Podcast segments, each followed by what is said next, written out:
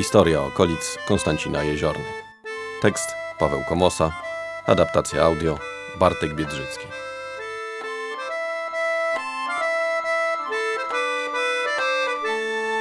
Wyprawa pana Jana. W ubiegłych wiekach wydarzenia na Ukrainie wywarły niewielki wpływ na tę część Mazowsza. Jedynie wojny toczone z Turcją w XVII stuleciu na terenie ówczesnego województwa podolskiego spowodowały napływ uchodźców notowanych w tutejszych metrykach. Jednakże długofalowe skutki dla tych okolic miała wyprawa do Rosji, jaką odbył jeden z tutejszych mieszkańców. Mowa o panie na oborach Janie Oborskim. Była to postać aktywna politycznie, podobnie jak jego antenaci związana z ziemią liwską, gdzie oborscy już od dwóch wieków pełnili urzędy i skąd posłowali, uczestnicząc w tamtejszych sejmikach. Z obór do Liwa dotrzeć było łatwo. Wystarczyło przeprawić się przewozem w gasach i podążać na północ, by znaleźć się tam po kilku godzinach. W okolicach Liwa leżały dziedziczne ziemie rodu. W roku 1630 Jan Oborski jako nagrodę za bezinteresowną służbę otrzymał od króla Zygmunta starostwo ogrodowe liwskie. Uczestniczył bowiem w dwóch wyprawach wojennych przeciw Gustawowi Adolfowi na Pomorzu. Zapewne brał udział w bitwie pod Trzcianą, gdzie słynnego szwedzkiego króla rozgromił hetman Stanisław Koniec Polski, jeden z najwybitniejszych wodzów Rzeczpospolitej. Prawem dygresji należy zauważyć, iż ówczesne wojny polsko-szwedzkie na Pomorzu sprawiły, że od początku XVII wieku Wisłą przemieszczać zaczęli się uchodźcy osiedlający się wśród nadrzecznych łęgów, polonizujący i przyjmujący katolicyzm, kolonizujący wyspy takie jak Saskakempa i stanowiący pierwszą falę holenderskiego osadnictwa na tych terenach. Szczyt kariery Jana Oborskiego przypadł na rok 1637, gdy odbyła się jego tytułowa wyprawa. W imieniu króla i Rzeczpospolitej posłował wówczas do Moskwy. Przypomnijmy nieco kontekst historyczny. Wskutek pokoju zawartego w roku 1634 Rzeczpospolita znalazła się u szczytu swej terytorialnej potęgi. Wieczysty pokój podpisano w Polanowie. Władysław IV zrezygnował z tytułu cara moskiewskiego i zrzekł się pretensji do tronu. Rzeczpospolita uzyskała województwo smoleńskie i czernichowskie, a Rosja zrzekła roszczeń do Estonii i Infland. Choć podręczniki historii tego nie notują, kolejne lata zajęło żmudne wytyczanie przebiegu granic, uniki cara, próby ratyfikacji i renegocjacji traktatu. I oczywiście wskutek zmiany sytuacji międzynarodowej próba zawierania wzajemnych sojuszy przeciw Turcji. Lecz o tym wszystkim można poczytać w obszernej literaturze przedmiotu. My skupmy się na poselstwie roku 1637. Jego celem było powiadomienie cara o małżeństwie zawartym przez Władysława IV z Cecylią Renatą Habsburg, bowiem ślub odbył się w dniu 12 września w Warszawie. Kolejną kwestią podniesioną przez posłów była wciąż niezakończona wymiana jeńców wziętych podczas minionych wojen. Posłowie wyruszyli, chcąc zdążyć przed nadchodzącą zimą. Zaś Janowi Oborskiemu towarzyszył kniaź Samuel Sokoliński, podkomorzy smoleński. W Moskwie przyjęto ich niechętnie. W Rosji odmowa przyjęcia darów od posłów stanowiła akt niełaski. Miała charakter symboliczny. Wręczono je podczas uroczystej audiencji. Większość złożonych uroczyście podarków została posłom zwrócona. Car zatrzymał jedynie szkatułeczkę z apteczką, szkatułkę bursztynową i dwa zegarki.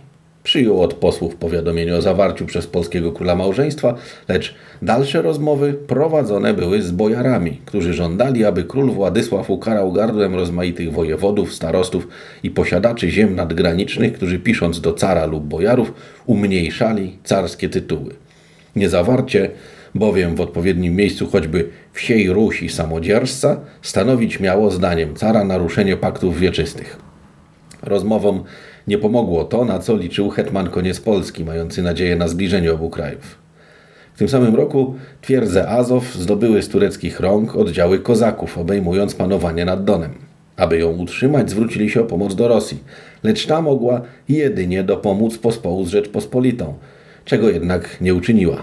Posłowie powrócili z innymi niepokojącymi wieściami, mimo zawartego pokoju Moskwa szykowała plany wyprawy na Smoleńsk do roku 1639 Jan Oborski upominał się jeszcze przed Sejmikiem o wynagrodzenie za poselstwo. W tym samym roku otrzymał starostwo sochaczewskie. Stał się tak, bowiem nie był już starostą grodowym w Liwiu. W roku 1637 przed swym poselstwem do Moskwy podjął się zabezpieczenia dziedzictwa swego rodu. Czy liczył się z tym, że z wyprawy nie wróci, czy też obawiał się, iż utraci w Moskwie życie, nie wiemy. Dość, że zrzekł się starostwa liwskiego na rzecz syna Marcina i zapewnił mu niebagatelną sumę 62 tysięcy złotych polskich. A stało się tak bowiem, sprzedał dwór w oborach wraz z posiadanymi ziemiami. Tuż przed wyprawą spisał kontrakt z hetmanem Stanisławem na koniec polu, który stał się nowym właścicielem dworu w oborach. W myśl umowy zawartej między starostą liwskim a Stanisławem na koniec polu koniec polskim, kasztelanem krakowskim, hetmanem wielkim koronnym, Jan Oborski majętność swą dziedziczną ze wszystkimi przyległościami i wsiami do niej z dawna należącymi, to jest obory z folwarkiem, Habdzin, Opacz, Kliczyn czy Trzysza, koło Prochna deserta, sortes in świder chwalenica in districtu Czernieńsi wieś z Kolimów z folwarkiem in districtu Warszawięsi za sumę 62 tysięcy złotych polskich dnia dzisiejszego zapisał. W ten sposób Stanisław Koniec Polski stał się właścicielem powyższych wsi. Obór, Habdzina, Opaczy, Ciszycy, Koła i Kliczyna. Te dwie ostatnie nazwy wciąż jeszcze można usłyszeć w okolicach Ciszycy opuszczonej Pruchny, zagiśnionej gdzieś wśród wiślanej Toni i działów w Świdrze i Falenicy w ziemi czerskiej oraz Skolimowa w ziemi warszawskiej. Hetman zapłacił 20 tysięcy złotych od ręki, a kolejne 42 tysiące złotych miały zostać wniesione na poniedziałek po świętej trójcy przyszłego święta. Zgodnie z warunkami kontraktu, Janoborski pozostawił sobie do czasu wyprowadzki z obór tylko mieszkanie w domu albo we dworze mniejszym nad sadzawkami Także pod wielkim domem stajnia na konie i owczarnię na owce i chlewów dwa, do tego wieś opacz z posłuszeństwem poddanych. Przed poselstwem przeprowadził się do Liwa, wraz ze sobą zabierając poddanych Stefana i Pawła Hajduków, Piotra i Stefana Myśliwców, Marcina Kucharza, Marcina Niedźwiadka Ślusarza, Staśka Cochała Chłopca. Do kontraktu jeszcze kiedyś wrócimy i opiszemy go szczegółowo. Dość, że ze sprzedażą obór mieć związek musiała wyprawa moskiewska i związki Oborskiego z koniec polskim. W roku 1642 hetman nabył dwór w Czernidłach wraz z przynależnymi mu wsiami od brata Jana, Jakuba. Tak dobiegło końca wielowiekowe panowanie oborskich na tych ziemiach. Co ciekawe, jeszcze w XIX wieku rodzina pisała się jako oborscy z obór, mimo iż nie mieszkali tu od roku 1642.